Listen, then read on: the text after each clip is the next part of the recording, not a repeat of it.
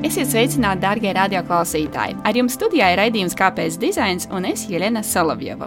Šodien mēs pieskarsimies aizraujošai tēmai - mākslīgais intelekts.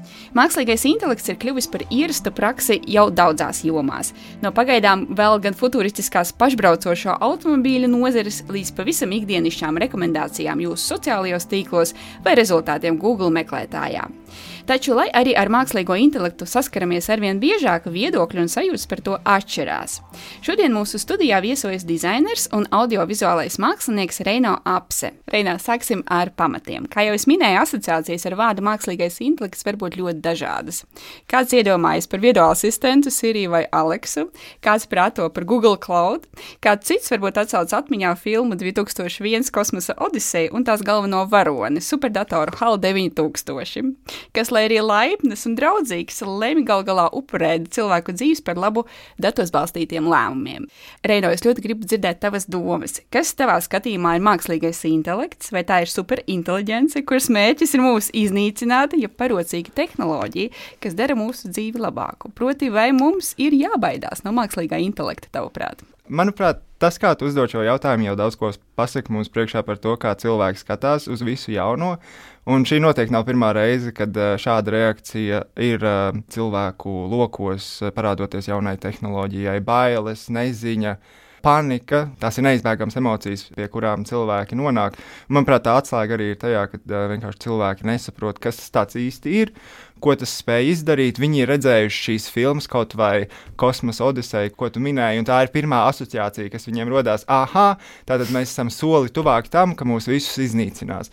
Man liekas, ka svarīgāk uzdot jautājumu būtu sākotnēji par to, kā mākslīgais intelekts mums var palīdzēt, un mums vajadzētu vairāk runāt, manuprāt, par to, kā ikdienā tas atvieglos mūsu visu dzīvi un uzlabos mūsu dzīves kvalitāti. Gatavojoties šai sarunai, es uzdevu dažus jautājumus mākslīgajam intelektam. Viens no šiem jautājumiem bija par neizbēgami, ja mēs baidāmies no mākslīgā intelekta un ka tas varētu sākt izdarīt lēmumus mūsu vietā vai pārņemt varu. Pār, es nezinu, valdību vai mūsu dzīvi, tad eh, noteikti ir jāsāk domāt par apziņu, vai mākslīgais intelekts var attīstīt apziņu. Uz šo jautājumu mākslīgais intelekts atbildēja sekojoši, ka apziņa ir subjektīvs sajūtu un domāšanas process, kas notiek cilvēka prātā. Tā ir spēja apzināt sevi un savu vidi, sajust un domāt par lietām un pieņemt lēmumus. Apziņa ir cilvēciskās būtības unikālais raksturīgais raksturlielums, un to nevar precīzi definēt vai izskaidrot. Apziņu var izprast tikai caur individuālu pieredzi un izpratni. Teksts bija ļoti garš, ko viņš sagatavoja, bet tas, ko šis mākslīgais intelekts, vismaz konkrēti mēs runājam šeit par chat GPT modeli, mēs paši cilvēki nesaprotam, kā strādā apziņa, mēs nevaram iemācīt mākslīgajam intelektam apziņu, ja mēs nesaprotam līdz galam īsti, kā viņi strādā paši savā. Bet, Reina, vai tas nav tā, ka tas ir jā, šobrīd, bet pēc būtības mākslīgā intelekta doma, mašīnu mācīšanās ir tieši veidot ar nolūku, lai atdarinātu mūsu veidu, kā mēs domājam, kā mūsu intelekts strādā. Es nezinu, vai tas ir obligāti, lai strādātu tieši tā, kā strādā mūsu smadzenes. Man liekas, vairāk šis ir par procesu automatizāciju un procesu optimizāciju. Drīzāk tas mērķis ir radīt kaut ko, kas ir pārāks par mūsu smadzenēm. Bet tam nav jābūt līdzīgam mūsu smadzenēm. Tāpat arī pieņemsim jautājums par šo apziņu, vai apziņa, kas ir cilvēka apziņa, ir nepieciešama mākslīgajam intelektam, vai tomēr mākslīgais intelekts varētu radīt savu veidu apziņu, kas mums nav saprotama. Reino, parunāsim par to, kādu ietekmi mākslīgā intelekta risinājumi šobrīd atstāj uz dizaina jomu. Kādi mākslīgā intelekta risinājumi šobrīd tiek pielietoti digitālajā un grafiskajā dizainā? Vai tu pats kaut ko varbūt izmanto ikdienā? Jā, noteikti ir vairāki rīki, ko es jau šobrīd izmantoju savā ikdienā. Iespējams, daudziem jau būs zināms tāds rīks kā Dālī, vai arī precīzāk Dālī 2, jo tā ir otrā paudze. Ir arī rīks, kas saucās Midjourney, kas ir ļoti līdzīgs rīks Dālī, bet viņš vairāk ir virzīts vai arī apmācīts tieši konceptu mākslā. Ir vēl rīks, kas ir ļoti viegli pieejams, This person does not exist Un tad ir arī citi rīki, kā piemēram Starry AI vai arī Jasper AI. Tie visi ir rīki attēlu ģenerēšanai pagaidām tikai. Katram no šiem rīkiem ir savs nedaudz lietojums, jo viņi tomēr katrs ir apmācīts ar savu datu paketi. Dālī un Midjourney es izmantotu konceptu ātrai izveidēji, lai es redzētu, vai tas virziens, kurā es dodos, vispār ir vērts tajā doties. Pieņemsim, ir kaut kādas idejas, kas rodas, kas ir tik ļoti saudabīgas, ka ir ļoti sarežģīti atrast šīs references. Un tad tā vietā, lai pavadītu piecas stundas rokoties cauri bilžu galerijām un cerot atrast pareizo leņķi, pareizo gaismu, Es varu to izdarīt dažās minūtēs, uzģenerējot eh, sev vēlamo attēlu. Bet, ja ir nepieciešams vizuālis, ko tu izmantosi produkcijā, kas tiks palaists tālāk izmantošanai plašākā telpā, rodas problēmas ar šiem attēliem, kas tiek ģenerēti. Ir daudz nepilnības viņos, ir neloģiski savienojumi. Bieži vien ir īpaši problēmas mākslīgajam intelektam ar rokām, kaut kādēļ tās vienmēr ir trīs, vai arī tās ir salipušas kopā. Ir vis kaut kādi artefakti acīs, acis nav vienādas, acis ir viena augstāk, viena zemāk, viena atvērtāka, viena aizvērtāka, kaut kas nav kārtībā ar zīlītēm. Ir ļoti daudz artefaktu, kas ir jātīra tik un tā, tas ir tikai viens elements. Nu, vismaz es savā darbā izmantoju vienu elementu tikai no tās uzģenerētās bildes, nevis visu bildi. Okay, un eh, kā ir ar video spēļu dizainu? Zinu, ka šī joma tev arī ir mīļa un tuva, un gan jau, ka tev ir ko sacīt par mākslīgo intelektu tajā. Jā, mākslīgais intelekts video spēļu dizainā ir jau sen īstenībā pastāvējis kopš pašiem pirmsākumiem, 50. gadiem. Tas ir uh, mīļies uh, izstrādē, bet ja mēs runājam tieši par šo vizuālo aspektu, šie attēlu ģenerēšanas rīki spēja ļoti atvieglot satura radīšanu video spēlēs, kas ir nepieciešams milzīgos apjomos, ko varbūt pat sākumā ir grūti aptvert. Tie var būt ja es nemaldos, bieži vien, it īpaši lielākām video spēlēm, bet arī mazākām video spēlēm, grafikas izstrāde ir apmēram 40% no video spēļu budžeta. Un šie mākslīgie intelekta rīki spēj samazināt šos izdevumus, un tajā pat laikā šie mākslinieku resursi, ja viņus ir iespējams novirzīt kvalitātes uzlabošanai, nevis kvantitātes izveidei. Nav tā, ka viņi vienkārši ieiet dālī un sāk spļaut ārā nepieciešamos tur, nezinu, eliksīra bildītes, kur viņiem vajag 70 vai 80 eliksīra bildes. Ir rīki, kurus viņi programmē speciāli, viņus viņu trenē, lai viņš, pieņemsim, konkrētais viens rīks ģenerēs tikai šos eliksīrus un neko citu. Ja kompānijā ir 20 mākslinieki vai dizaineri, un no šiem dizaineriem, pieņemsim, pieci tiek aizvirzīti, lai viņi veido šīs eliksīra pudelītes. Tagad mums pietiek ar vienu vai diviem, un tad mums paliek resursi pāri, lai varbūt mēs varētu nevien sazīmēt to saturu, bet iet cauri tam saturam un pārliecināties, vai viņš tiešām ir vislabākais, kāds viņš varētu būt. Ja tas šobrīd ir iespējams video spēļu dizainā, ka principā mākslīgais intelekts ģenerē saturu, kāpēc tas nebūtu iespējams digitālajā vai grafikas dizainā vai jebkurā citā dizaina jomā? Man liekas, ka šis ir tāds plašāks jautājums. Tā problēma visticamāk ir tajā, kā mēs apmācām šo mākslīgo intelektu. Lai mēs viņu apmācītu, ir nepieciešams ievades, un šīs ievades visbiežāk, ja nevienmēr ir cilvēku radītas. Ja mums nebūs šie piemēri, no kuriem smelties mākslīgajam intelektam iedvesmu, tad drīz vien mēs nonāksim pie situācijas, kur viss būs viens un tas pats, jo vienkārši ir beidzies tas, no kā kopēt. Tu gribi sacīt, Reino, ka mēs esam vajadzīgi mākslīgajam intelektam, ne tikai mākslīgais intelekts mums? Es teiktu, ka tā ir simbioze, kas notiek starp mākslīgo intelektu un uh, dizaineri vai mākslinieku vai mūziķi. Vai arī jebkuru rakstnieku, kurš izmanto mākslīgo intelektu.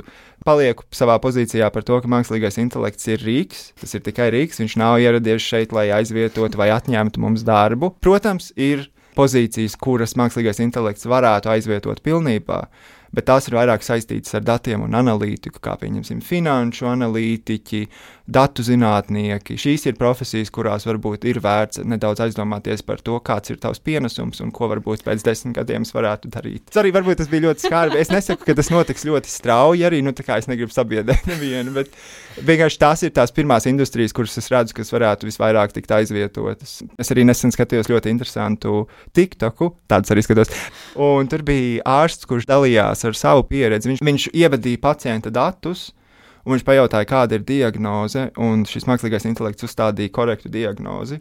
Pēc tam viņš ievadīja jautājumu, kāda varētu būt atvesaļošanās sistēma, vai arī ko izrakstīt šim pacientam. Un atkal šis mākslīgais intelekts iedeva diezgan precīzu sarakstu ar medikamentiem un lietām, ko vajadzētu darīt. Godīgi sakot, neviena profesija nav simtprocentīgi pasargāta no mākslīgā intelekta, bet es domāju, ka nav tā, ka ir ļoti daudz profesijas, kuras pilnībā aizvietos mākslīgais intelekts, ka vairs tur nebūs cilvēki iesaistīti nekādi. Kāpēc dizains? Renata pieminēja jau trīs rokas un uh, citas neražas, kuras šobrīd pie šī brīža risinājumiem, mākslīgā intelekta produktiem, lietojumiem izdodas vai neizdodas. Varbūt tev vēl nāk prātā kādas limitācijas, vai tieši otrādi kaut kas, ko mākslīgais intelekts šobrīd spēj dizainā darīt labāk nekā cilvēks dizainers. Varbūt ķersimies uzreiz klāt labāk. Labāk ir efektivitāte, ātrums, kādā ir iespējams veikt iterācijas. Tas, principā, ir dažu sekundžu, varbūt minūšu jautājums. Nu, Dālī gadījumā tev ir četri varianti. Tev nepatīk četri varianti, tu spied vēlreiz ģenerēt, un tev atkal ir četri varianti. Tas trumpis, kas ir mākslīgajam intelektam, tas ir šis ātrums. Limitācijas, man liekas, limitācijas ir ļoti daudz īstenībā. Jo vairāk, jo dziļāk tu skaties kaut kādos uh, konkrētos lietojumos, jo vairāk limitāciju tu sastopi. Pirmkārt, ir jāmāk komunicēt ar mākslīgo intelektu. Ja tu nemāki pareizi rakstīt uh, tā saucamo promptu vai ievadu tekstu, tu nevari nonākt pie tā rezultāta, ko tu vēlies. Es teiktu, ka tā drīzāk ir laimes spēle. Katram no tiem rīkiem ir savs uh, veids, kā tev ir jākomunicē pareizi, kādi prievārdi varbūt ir jāliek priekšā, vai arī kaut kādi specifiski termini, ko ir jāizmanto, lai kontrolētu to attēlu, kāds viņš būs izmērā. Tā lielākā limitācija tomēr ir tajā, ka tu nevari dabūt tieši to, ko tu vēlies. Tā ir sadarbība, kur šis rīks tev var iedot virzienu, tālāk, tad tu pārņem atkal kontroli un tu savelc visu kopā. Jo tomēr ir ļoti daudz smalkas nianses, un man liekas, ka tieši šis ir tas atslēgvārds ar mākslīgo intelektu. Smalkas nianses nav mākslīgais intelekts spējīgs uh, saprast, saprast kontekstu, saprast auditoriju, saprast mērķi. Šie visi ir sveši koncepti mākslīgajam intelektam šobrīd. Tieši tā arī nav šobrīd, un es labprāt ar tevi parunātu arī par nākotni, jo kopumā man liekas, doma, ko tu izcēli, ka strādāt kopā ar mākslīgo intelektu, nevis aizstāt vienam otru, ir ļoti skaista un ļoti forša un pareiza.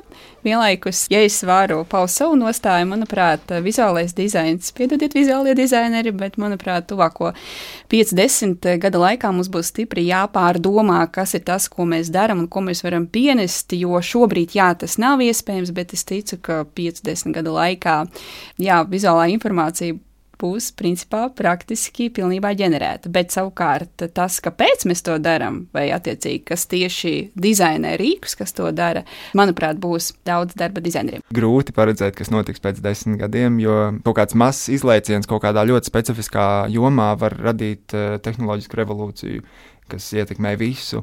Mākslīgais intelekts iespējams ir šis rīks, Manuprāt, es vairāk tomēr sliektos uz kvantu datoriem, ka kvantu datori ir tas, kas radīs šo milzīgo lēcienu. Bet uh, ne par to ir stāsts. Ja mēs runājam par uh, mākslīgā intelekta potenciālu nākamajiem desmit gadiem, mans viedoklis nedaudz atšķirās no tavējā, diemžēl. Es neuzskatu vēl joprojām, ka mākslīgais intelekts pilnībā aizvietos audio-vizuālos cilvēkus.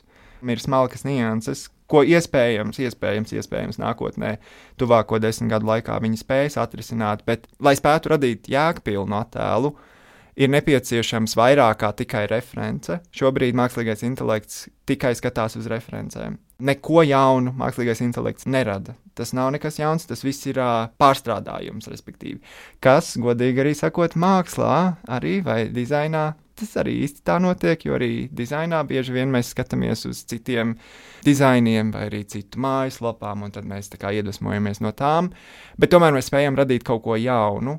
Pilnībā tādu, kas nav eksistējis pirms tam. Man liekas, mākslīgais intelekts šobrīd to nav spējīgs darīt. Tā ir tā lielākā limitācija šobrīd. Un informāciju telpa būs tik ļoti piesātināta ar mākslīgā intelekta radītiem attēliem, mēs iegūsim tieši pretēju reakciju un cilvēka radīts dizains vai arī albuma vāks vai glezna tikai pieaugs vērtībā. Iespējams. Viens ir, kā mēs šobrīd izmantojam mākslīgo intelektu, lai radītu dizainu vai lai gūtu atbalstu dizaina radīšanā, bet otrs ir, kā tiek dizainēts mākslīgais intelekts, kas man liekas ļoti interesanta tēma, jo tāpat kā jebkurā tehnoloģijā, arī mākslīgais intelekts bez dizainera klātbūtnes nebūs lietotājiem draudzīgs, un visticamākais nebūs arī gana ētisks, jo tie ir divi aspekti, kas dizaineriem ļoti rūp un uh, kur, manuprāt, mēs esam arī gana labi. Viens no potenciālajiem riskiem vai izaicinājumiem mākslīgiem intelektam mācoties ir tas, ka tas vairos vai stiprinās jau esošos aizspriedumus sabiedrībā.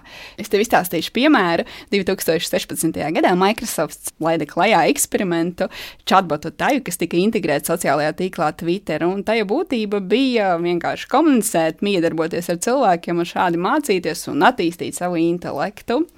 Jā, nu, bija vajadzīgas mazāk nekā 24 stundas, lai jaukais komunikablais tais pārvērstos par seksistu, rasistu, antisemītu. Nu, un principā tad šis eksperiments ar to arī beidzās. Bet es domāju, ka tas ļoti ilustratīvi parāda, cik ātri lietas var noiet greizi, ja mēs neesam padomājuši par riskiem, uh, dizainējot uh, mākslīgo intelektu.